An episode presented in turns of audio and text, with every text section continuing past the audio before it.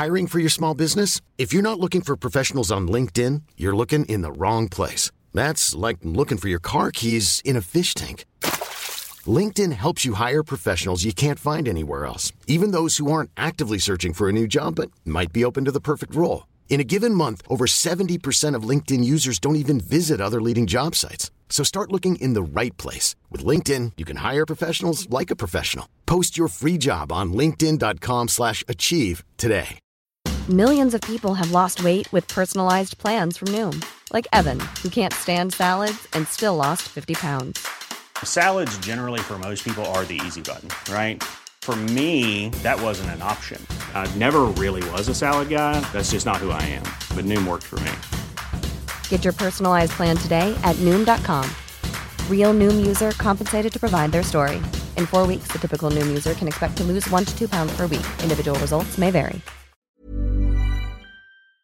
Hej och välkommen tillbaka till Storytime. Jag är tillbaka och jag är äntligen frisk. Så idag kommer det bli ett originalavsnitt jag ska spela in här och nu och det blir en psykopats dagbok del 2. Jag hoppas ni är taggade på den. Om ni vill så kan ni gå och lyssna på det första avsnittet jag har lagt upp som heter En psykopats dagbok bara. Man måste inte lyssna på de här delarna tillsammans men det kan vara bra att förstå den här personen lite före man lyssnar. Men nu så ska vi sätta igång. Glöm inte bort att följa podden där du lyssnar på den så att ni inte missar uppladdningar. Jag laddar ju upp både onsdagar och söndagar just nu. Så det vill man ju inte missa. Men nu så ska vi sätta igång.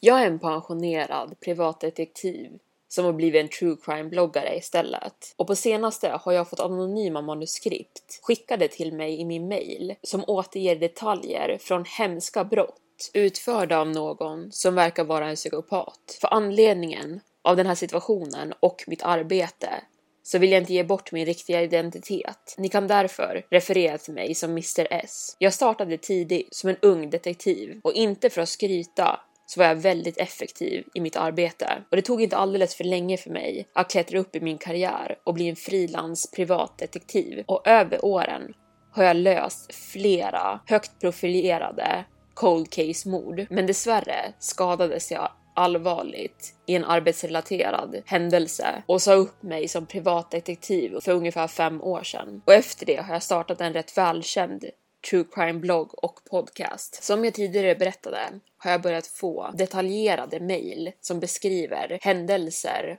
och brott från en persons liv. Det finns ingen returadress och på utsidan av det andra brevet jag fick stod följande fotnot. Mitt arbete är en konst som har gått obemärkt alldeles för länge och trots att få skulle förstå så är det dags att presentera mitt arbete för världen. Här under kommer det andra manuskriptet som jag fick skickat till mig. Det här manuskriptet kallades universitetet. Men jag varnar dig, jag tror att vad du nu kommer läsa är en riktig psykopats dagbok. Jag var inne på mitt andra år på universitetet. De föregående två åren hade gått precis som jag planerat. Mitt status som fosterbarn försäkrade att mina skolutgifter blev betalda. Dina och Sara hade genomföljt med deras erbjudande att adoptera mig och acceptera mig som deras egen son. Och tack vare det unnade de mig en liten summa så att jag kunde klara mig, ha mina skafferier fyllda och kunna köpa det jag behövde. Jag hade en bra dator, en ny telefon och allting jag behövde för min skola. Jag hade också någonstans att bo under sommarloven, trots att jag faktiskt föredrog att spendera min tid ensam så umgicks jag bara tillräckligt med Dean och Sara så de skulle känna att det var värt att böja sig bakåt åt mig. Livet var bra tills Dustin. I mitt förra skolår hade jag turen av att få en roommate som knappt pratade. Han hade skött sitt eget och vi hade aldrig haft en riktig konversation. Och för att vara helt ärlig så kommer jag inte ens ihåg ungens namn. Det hade varit perfekt, men det här året hade jag blivit tilldelad en väldigt annorlunda roommate. Dustin. Dustin var en speciell typ av dåre som behövde vara centrum för uppmärksamhet hela tiden. Och min lägenhet var nu alltid fylld av liknande idioter som inte verkade kunna vara tyst i fem minuter. De pratade alltid, skrek och lyssnade på musik skithögt. Dustin och hans efterblivna likasinnade grupp brukade alltid bli smällfulla och börja skryta om hur mycket tjejer de fick och så vidare. Jag var äcklad över min generation och att det här hade blivit en ny standard. Och först trodde jag att de bara drack. Jag stängde in mig i mitt rum eller i biblioteket så mycket som jag kunde och ignorerade idioterna. Men det tog mig inte länge för att inse att de höll på med lite mer än alkohol. Varje gång Dustin gick i närheten av mig kände jag lukten av gräs tränga in sig i mina näsborrar och snart stank lägenheten av lukten varje kväll. Och som att det här inte var illa nog. En lördag morgon vaknade jag och hittade kvarlevorna av deras fredagsnattfestligheter. Människor jag inte kände igen låg på soffan och till och med på golvet snarkandes som djur. Det låg ihopknölade ölburkar överallt överallt på golvet och fimpar från joints. Rummet stank av en arom av cigaretter och det såg ut som att hemlösa missbrukare hade spenderat natten i min lägenhet. På vardagsrumsbordet låg utsmetat fint vitt pulver med fingeravtryck överallt i det. Ett smalt vitt sugrör från Donken eller någonting låg på marken bredvid. Det var inte svårt att dra slutsatsen att de här idioterna hade dragit massa ladd. Och jag bryr mig inte om du vill röka gräs eller ta kokain så länge det inte utgör ett hot mot mig. Och om Dustin skulle bli påkommen med alla de här drogerna så skulle det kunna påverka mig också. Skyldig av umgänge som de säger. Uppenbarligen kunde jag inte acceptera den här risken i mitt liv. Att Dustin skulle kunna hota mina mål så här mycket. Jag skulle behöva konfrontera honom om det här. Jag gick in i hans rum och sparkade undan ölburkar som sköt över golvet ljudligt. I mitten av hans rum, vilket såg ut som en soptipp, låg hans säng. Under sängöverdraget och bortsparkade lakan såg jag flera kroppsdelar. Jag drog bort lakanen och hittade Dustin liggandes i sina underkläder och hans flickvän nästan naken bredvid honom. Men att riva av hans lakan väckte honom inte alls till liv. Jag fick inte ens en reaktion, så jag puttade till honom. Ingenting igen. Dustin, vakna och städa upp den här skiten, sa jag men Dustin reagerade knappt. Mitt tålamod höll redan på att ta slut, men varenda sekund jag behövde existera i den här piggstian gjorde mig mer och mer irriterad. Jag tog tag i hans fot och rev honom ut ur sängen ner på golvet. Det första som träffade golvet var hans ansikte. Vad fan? sa Dustin till slut, lite medveten. Han höll sig om huvudet i uppenbar smärta från bakfyllan och det gjorde bara värre att han hade landat på sitt huvud. Han placerade handflatorna för ögonen medan han gnuggade dem. Upp med dig Dustin. Få ut de här idioterna ur min lägenhet och städa upp den här piggstian. Om jag ville bo på en soptipp med trashiga idioter så skulle jag göra det. Stick härifrån och sluta vara en liten bitch, sa han åt mig medan han kisade upp på mig precis som att jag höll en ficklampa direkt mot hans ansikte. Jag kunde se huvudvärken i hans ögon, tydliga tecken på en enorm baksmälla. Jag visste exakt hur man skulle hantera någon med en enorm baksmälla. Jag gick till köket, öppnade upp en av de gamla bruna skåpsluckorna som knarrade lätt. Sen tog jag tag i en av de större kastrullerna och den matchande stekpannan honom. Jag höll i deras svarta plasthandtag och gick tillbaka till Dustins rum där han redan hade tagit sig tillbaka till sin säng och låg och sov igen. Jag slog på taklampan igen och gick igenom rummet och var noga med att inte kliva i högarna av smutstvätt på golvet. Jag gick fram till fönstret och drog hårt i snöret i persiennen. Bländande solsken fyllde rummet. Både Dustin och hans flickvän reagerade med att dra täcket över sina ögon för att skydda sig mot solstrålarna. De två vanligaste symptomen för en tung baksmälla. Mycket huvudvärk och extremt ljus och ljudkänslig. Jag gick över till Dustins sida av sängen, hållandes stekpannan och kastrullen bullen över hans huvud och sen började jag slå dem tillsammans så hårt jag bara kunde. Dustin reagerade på det hemska ljudet med att trycka handflatorna mot öronen som att han var en vampyr som blev attackerad av solen. Tydligt visande att ljudet orsakade honom smärta. Jag fann mig själv med att njuta av hans reaktion medan jag såg på hur han grimaserade våldsamt. Han rullade runt i sängen som ett epileptiskt djur, skrikande svordomar åt mig som jag knappt kunde höra över ljudet av stekpannan och kastrullen som slog samman. Till slut blev ljudet och smärtan av det för mycket för honom. Dustin slängde av sig täcket och hoppade upp på fötter. Han snubblade lite bakåt, demonstrerandes att han fortfarande var full. Han betedde sig som ett skadat djur med ett enda mål, att få smärtan att sluta. Det oundvikliga fysiska våldet kom nu från Dustin medan han slog knytnäven mot mig i ett skämt av slag. Jag slog bort hans hand med stekpannan och Dustin svor av smärta när hans knogar träffade metallen. Han lärde sig inte sin läxa den första gången, så han gav ifrån sig ett till knytnävslag med samma resultat. Den här gången tappade han balansen och ramlade ner på golvet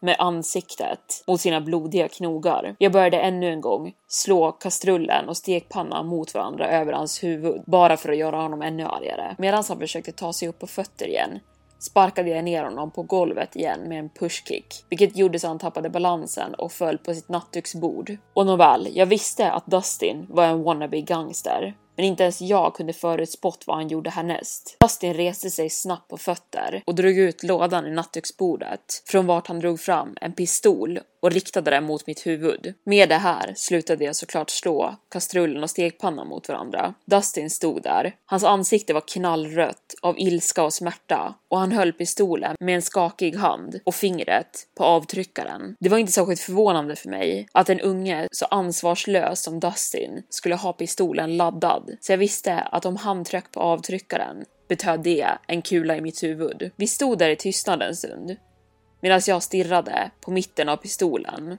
Dustins ansiktsuttryck mjuknade lite när han insåg allvaret i situationen vi befann oss i. Ett pucko som han skulle aldrig klara av att mörda mig kallblodigt och komma undan med det.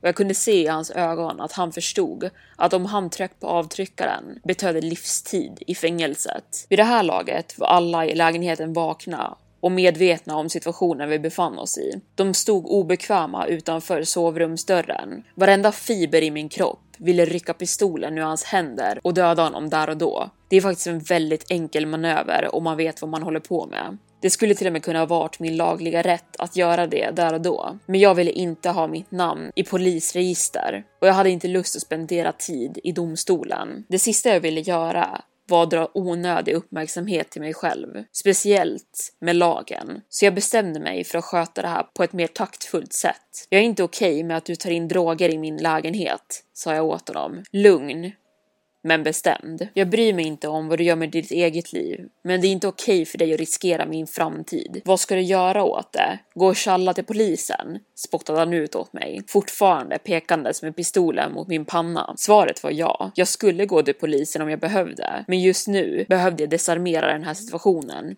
inte ge honom en anledning till att skjuta mig. Nej, sa jag, fortfarande lugn. Så länge som du håller drogerna borta från min lägenhet så kommer jag aldrig ta upp det här igen. Jaså, men gissa vad? Det är inte upp till dig att säga åt mig vad jag ska göra bitch. Om du går och tjallar på mig kan du vara säker på att jag kommer ta med dig ner med mig och de kommer få veta att du är en del av den här businessen. Jag kunde inte hjälpa att märka hur tufft Dustin behövde leka framför sina vänner.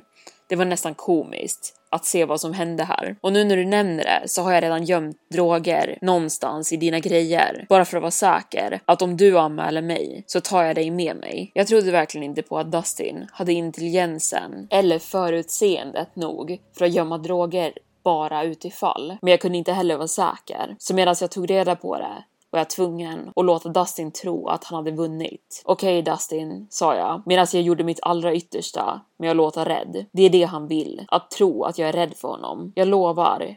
Jag kommer inte säga ett ord. Du vinner Dustin. Bra, sa han och avlägsnade äntligen sitt finger från avtryckaren.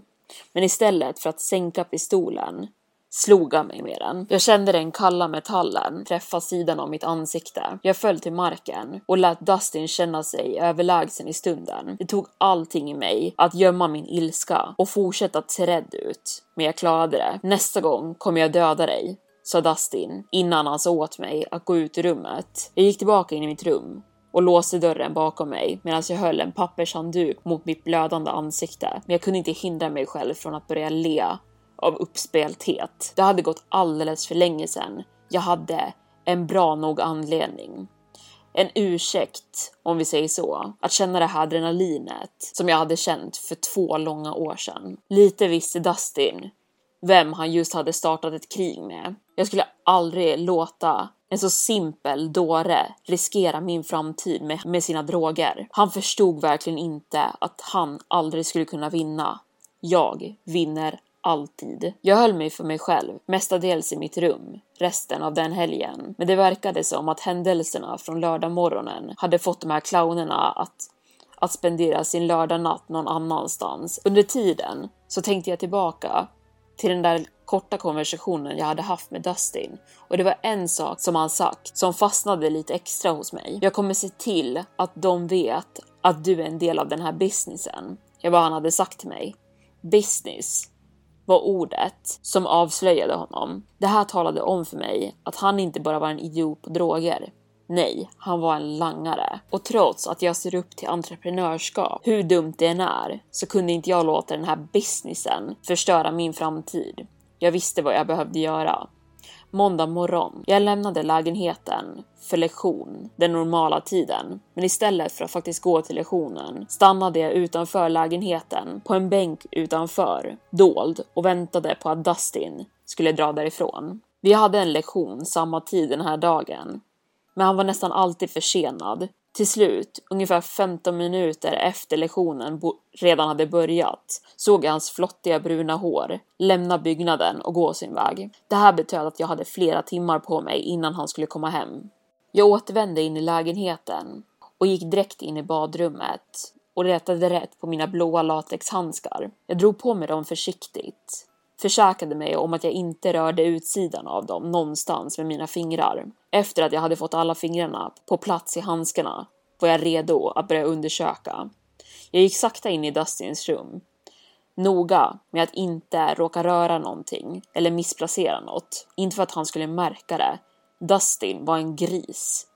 Jag klev över berg av smutstvätt och tog mig först till nattduksbordet. Så lätt jag bara kunde drog jag ut lådan och den knarrade högljutt av sig och avslöjade sen pistolen. Han var åtminstone inte dum nog att ta med sig pistolen till lektionerna med sig, men jag skulle få honom att ångra det oavsett. Han hade ett extra magasin i nattdukslådan och en svart butterflykniv. Också i lådan låg en bild på han och hans flickvän. Jag antar att till och med en wannabe gangster har en soft spot. Efter detta tog jag mig runt hans, tog jag mig runt hans obäddade säng till garderoben. Den hade svängdörrar och inuti låg ihopknölade och slarvigt upphängda kläder. I hörnet av garderoben låg skolådor upptravade på varandra och några jackor och hoodies slängda på dem som ett dåligt försök att verka diskret. Men jag visste att de där skolådorna förmodligen innehöll precis vad jag letade efter. Försiktigt tog jag bort de stinkande jackorna och memorerade exakt hur de hade legat på lådorna. I den första knallorangea skolådan var det bara några papper. Ingenting som var användbart för mig. Men i den andra hittade jag flerfärgade glaspipor och tre stora plastpåsar med Mariana. En hel del, om du frågar mig, men jag är ingen expert. Jag la Marianan åt sidan och öppnade den tredje boxen. Jackpot. I den här boxen hittade jag stora med vitt puder. Det här verkade som extremt mycket kokain. Det skulle inte ta en expert att räkna ut att innehållet av de här påsarna var värt flera tusen. Bredvid den stora vita påsen fanns ett tiotal eller mer små sippåsar som låg på en liten våg. De såg ut att innehålla exakt lika stora doseringar. Det här bekräftade mina misstankar som jag hade om Dustin när han använde ordet business.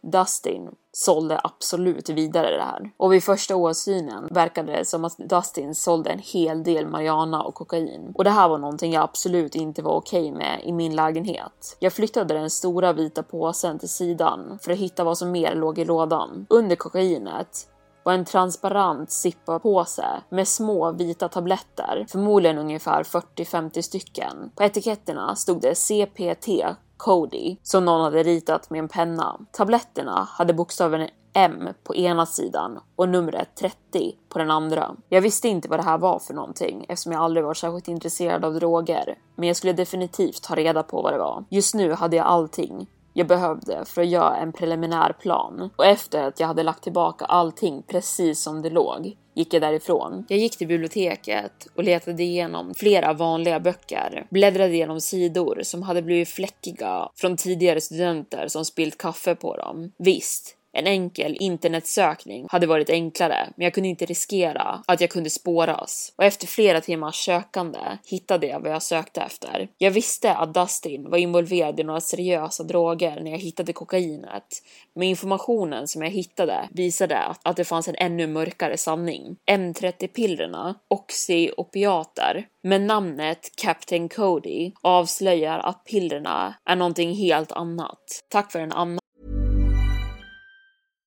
How would you like to look five years younger? In a clinical study, people that had volume added with Juvederm Voluma XC in the cheeks perceived themselves as looking five years younger at six months after treatment. Look younger, feel like you. Add volume for lift and contour in the cheeks with Juvederm Voluma XC. Reverse signs of aging by adding volume to smooth laugh lines with Juvederm Volure XC. For important safety information and to find a licensed specialist, visit juvederm.com. That's J U V E D E R M.com. Not for people with severe allergic reactions, allergies to lidocaine, or the proteins used in Juvederm. Common side effects include injection site redness, swelling, pain, tenderness, firmness, lumps, bumps, bruising, discoloration, or itching. There's a risk of unintentional injection into a blood vessel, which can cause vision abnormalities, blindness, stroke, temporary scabs, or scarring. Talk to a licensed specialist to find out if it's right for you.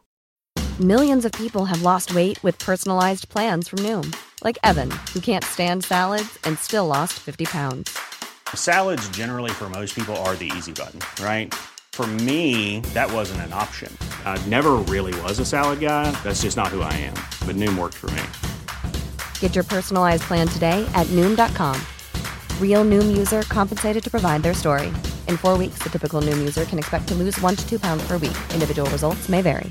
Hiring for your small business? If you're not looking for professionals on LinkedIn, you're looking in the wrong place. That's like looking for your car keys in a fish tank.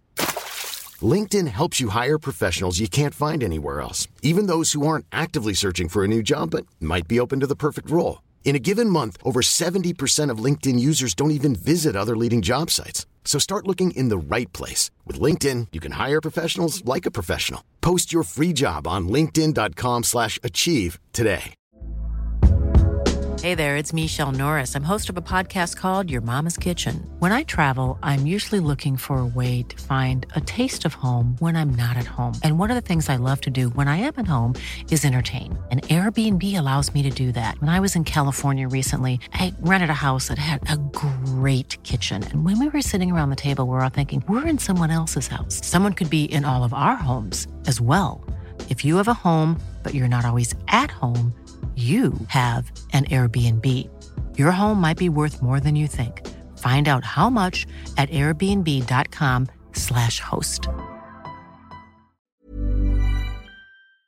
lagbok jag läste om drogregler och vad de klassades som hittade jag att, att de här tabletterna förmodligen inte alls oxycodon, men istället fentanyl, en syntetisk opiod över 50 gånger starkare än morfin. Enligt den här textboken verkade det som att det är vanligt för langare att maskera dem som oxycodon för en anledning eller flera. Den dödliga dosen av fentanyl är bara 2 till 3 milligram. Ett leende spred sig över mitt ansikte i det tysta hörnet av det enorma biblioteket. Det var dags för någonting nytt.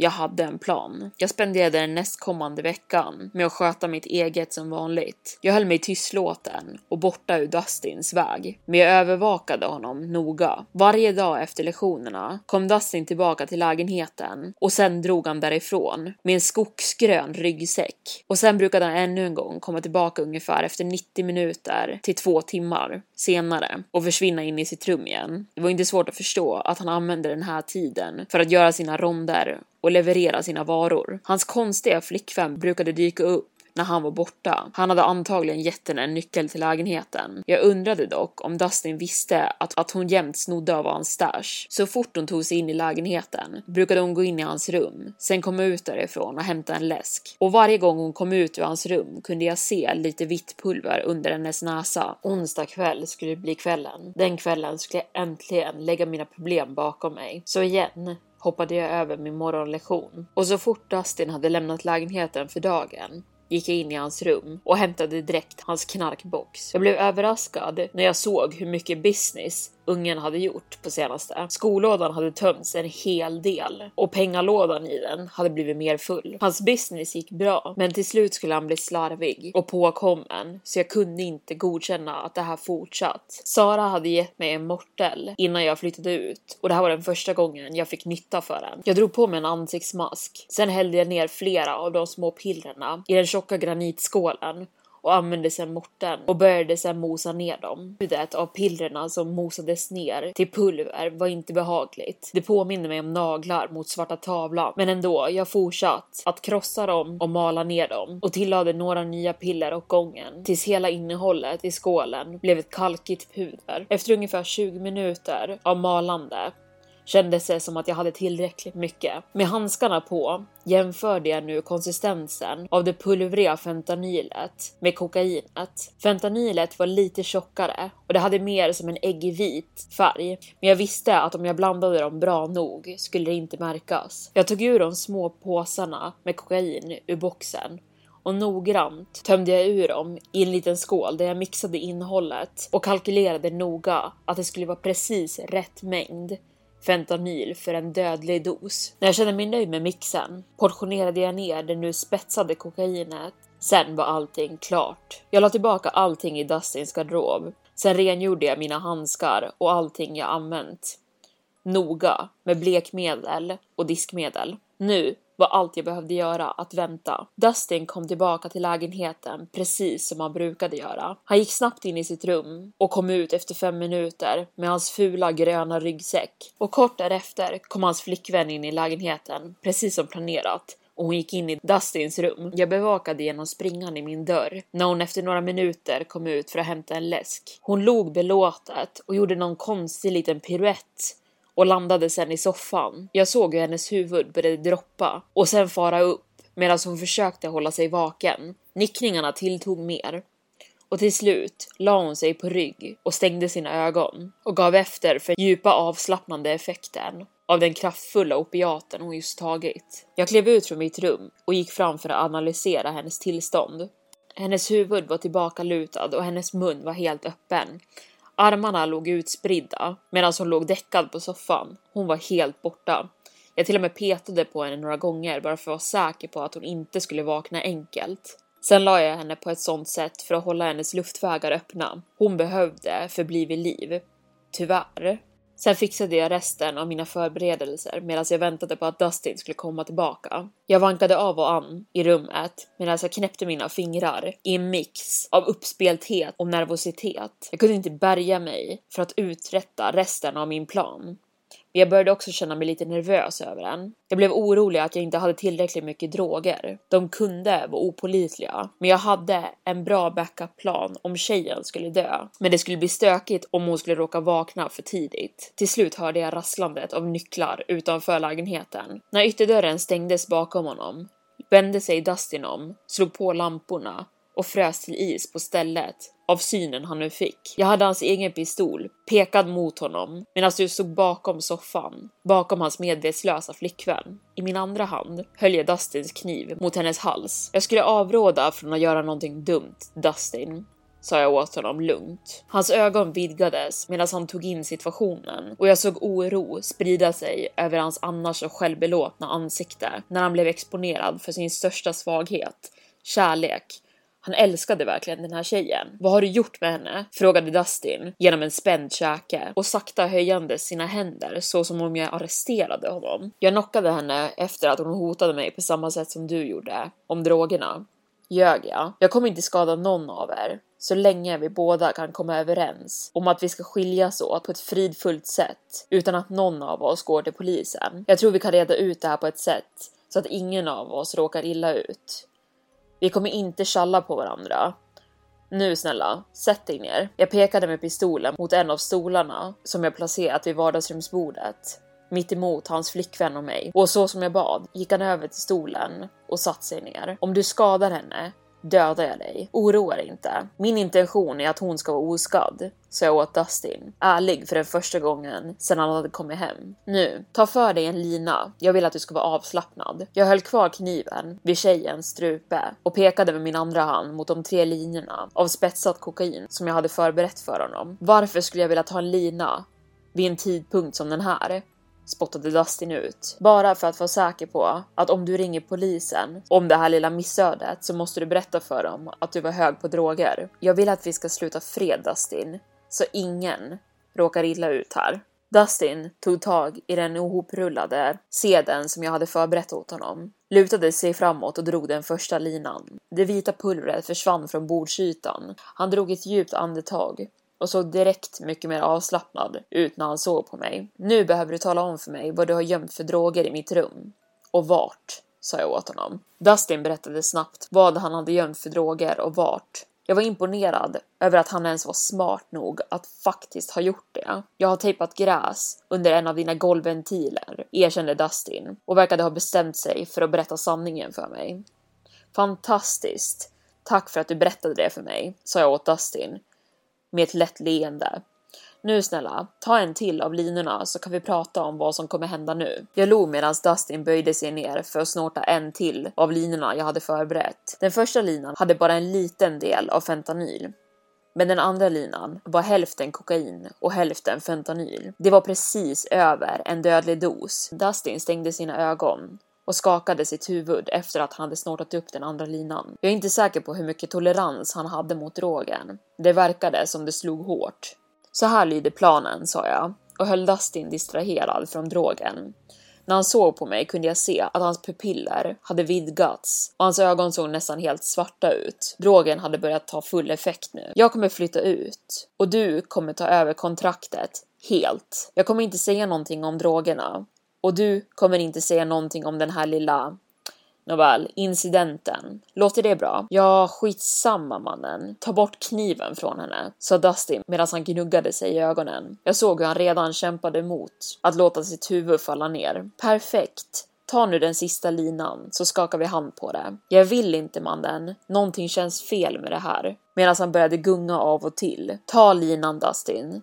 Så att jag kan släppa henne. Medan han skakade sitt huvud böjde sig Dustin ner mot bordet och tog den sista linan. Den här linan var rent fentanyl, förmodligen tillräckligt för att döda två människor. Dustin lutade sitt huvud mot ena sin handflata och grabbade tag i bordet med den andra för att stadga sig själv. Hans bröstkorg började röra sig våldsamt upp och ner medan hans andetag blev högljudda och andfådda. Jag tog bort kniven från tjejens hals och stod upp och såg på Dustin som nu togs över helt av sina egna droger. Han lutade sig mot bordet nu med båda händerna i spjärn och hans andetag lät som en trött bulldog. Han försökte se upp mot mig, men hans armar gav upp under hans vikt och hans ansikte träffade rakt ner på bordet med en duns. Hans bakdel var fortfarande på stolen, men hans ansikte låg nu helt på vardagsrumsbordet.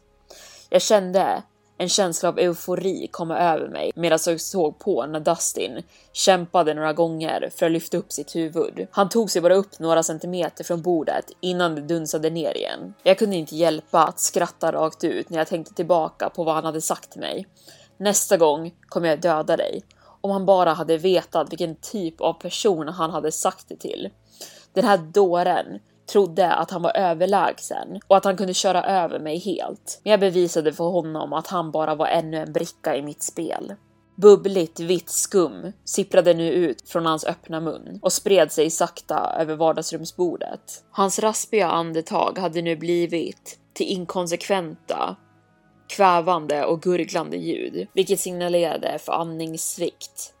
Jag satt mig ner och såg på uppspelt när Dustins kropp gjorde ofrivilliga, krampaktiga rörelser. Jag var inte säker på om han fortfarande var vid medvetandet, men jag hoppades att det gjorde ont och att han kunde känna smärtan. Till slut stannade kramperna och hans försök till andetag helt och Dustin var nu helt rörelselös. Hans huvud låg på vardagsrumsbordet och hans vänstra arm också, men hans högra arm dinglade ner mot golvet och den gråa mattan. Jag kollade hans puls bara för att vara säker på att han var död och det fanns ingenting där. Jag såg över mot tjejen och jag hade helt glömt bort att hon var där en stund. Hennes andetag var stadiga, vilket var bra. Om hon hade dött också så skulle jag behövt vara den som hade upptäckt kropparna. Jag gick iväg för att hämta Mariana som Dustin hade placerat under min golvventil. Sen kollade jag resten av ventilerna bara för att vara säker. Efter att jag hade lagt tillbaka pistolen och kniven tog jag av mig mina latexhandskar och rengjorde dem ordentligt ännu en gång. Till slut kraschade jag i min säng och somnade snabbt. Mord är hårt jobb. Jag vaknade av högljutt skrikande som kom från vardagsrummet. Dustins flickvän hade äntligen vaknat. Jag kollade klockan och den var 12.23, så nästan halv ett på natten, vilket betöd att Dustin hade varit död i flera timmar nu. Jag tog ett djupt andetag innan jag sprang ut i rummet och låtsades vara panikslagen. Jag såg Dustins flickvän som böjde sig ner över honom medan hon försökte skaka liv i honom, medan hon bönade genom sina irriterande snyftningar. Åh herregud, vad hände? sa jag högljutt medan jag lekte chockad och rädd. Ja, jag vet inte, sa hon medan hon grät desperat. Jag tror, jag tror han tog för mycket, sa hon snyftandes. Jag tror vid det här laget att hon visste någonstans djupt nere att han var död för länge sedan. Men hon kanske var i förnekelse. Jag kunde inte föreställa mig att hans kropp fortfarande var varm. Har du ringt 112? frågade jag henne och gjorde mitt bästa för att fortsätta låta panikslagen. Hon skakade sitt huvud medan tårar rann ner för hennes ansikte. Jag insåg att hon inte var i något tillstånd till att ringa, så jag antog att det var jag som behövde göra det. 112. Var det din krissituation? Hjälp snälla, jag tror, jag tror att min roommate har överdoserat eller någonting. Han rör inte på sig. Halvskrek jag genom telefonen. Jag gav telefonoperatören adressen och efter att hon hade sett till att hjälp var på väg bad de mig kolla efter livstecken. Jag spelade med i situationen i karaktären av en, av en rädd ung man och letade efter puls och låtsades som att jag verkligen hoppades på att hitta en. Dustin var kall och väldigt uppenbart död. De stela musklerna i hans nacke för att likstillheten redan hade satt igång. Dustins flickvän satt nu vid hans sida och greppade hårt om hans kalla döda hand medan hon försökte inse att hennes älskare var död. Jag kunde inte riktigt förstå varför hon var så uppskakad. Vad hade hon förväntat sig? Ett lyckligt slut med tre söta ungar och ett vitt staket. Men oavsett så drog jag henne försiktigt bort från kroppen när larmpersonalen kom till lägenheten. Och den här tjejen som jag aldrig hade pratat med drog mig in för en oväntad kram medan hon begravde sitt ansikte i min axel. Jag hatade varje äcklig minut, men jag slogs mot impulsen av att putta bort henne. Jag behövde agera som en normal person som just hade hittat en död kropp. Ambulanspersonalen försökte inte ens återuppliva honom.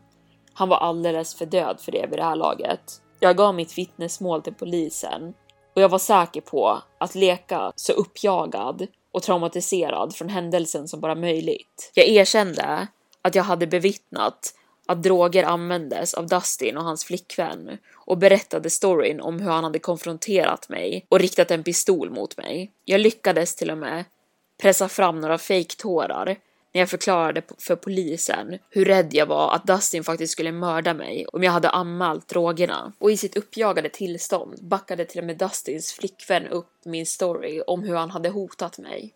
Hon hade uppenbarligen varit helt medvetslös när jag hade tvingat Dustin att överdosera, så hon trodde verkligen att han hade gjort det här mot sig själv. Hon berättade nu allt om droganvändandet och langandet och tjallade på både sig själv och hennes vänner.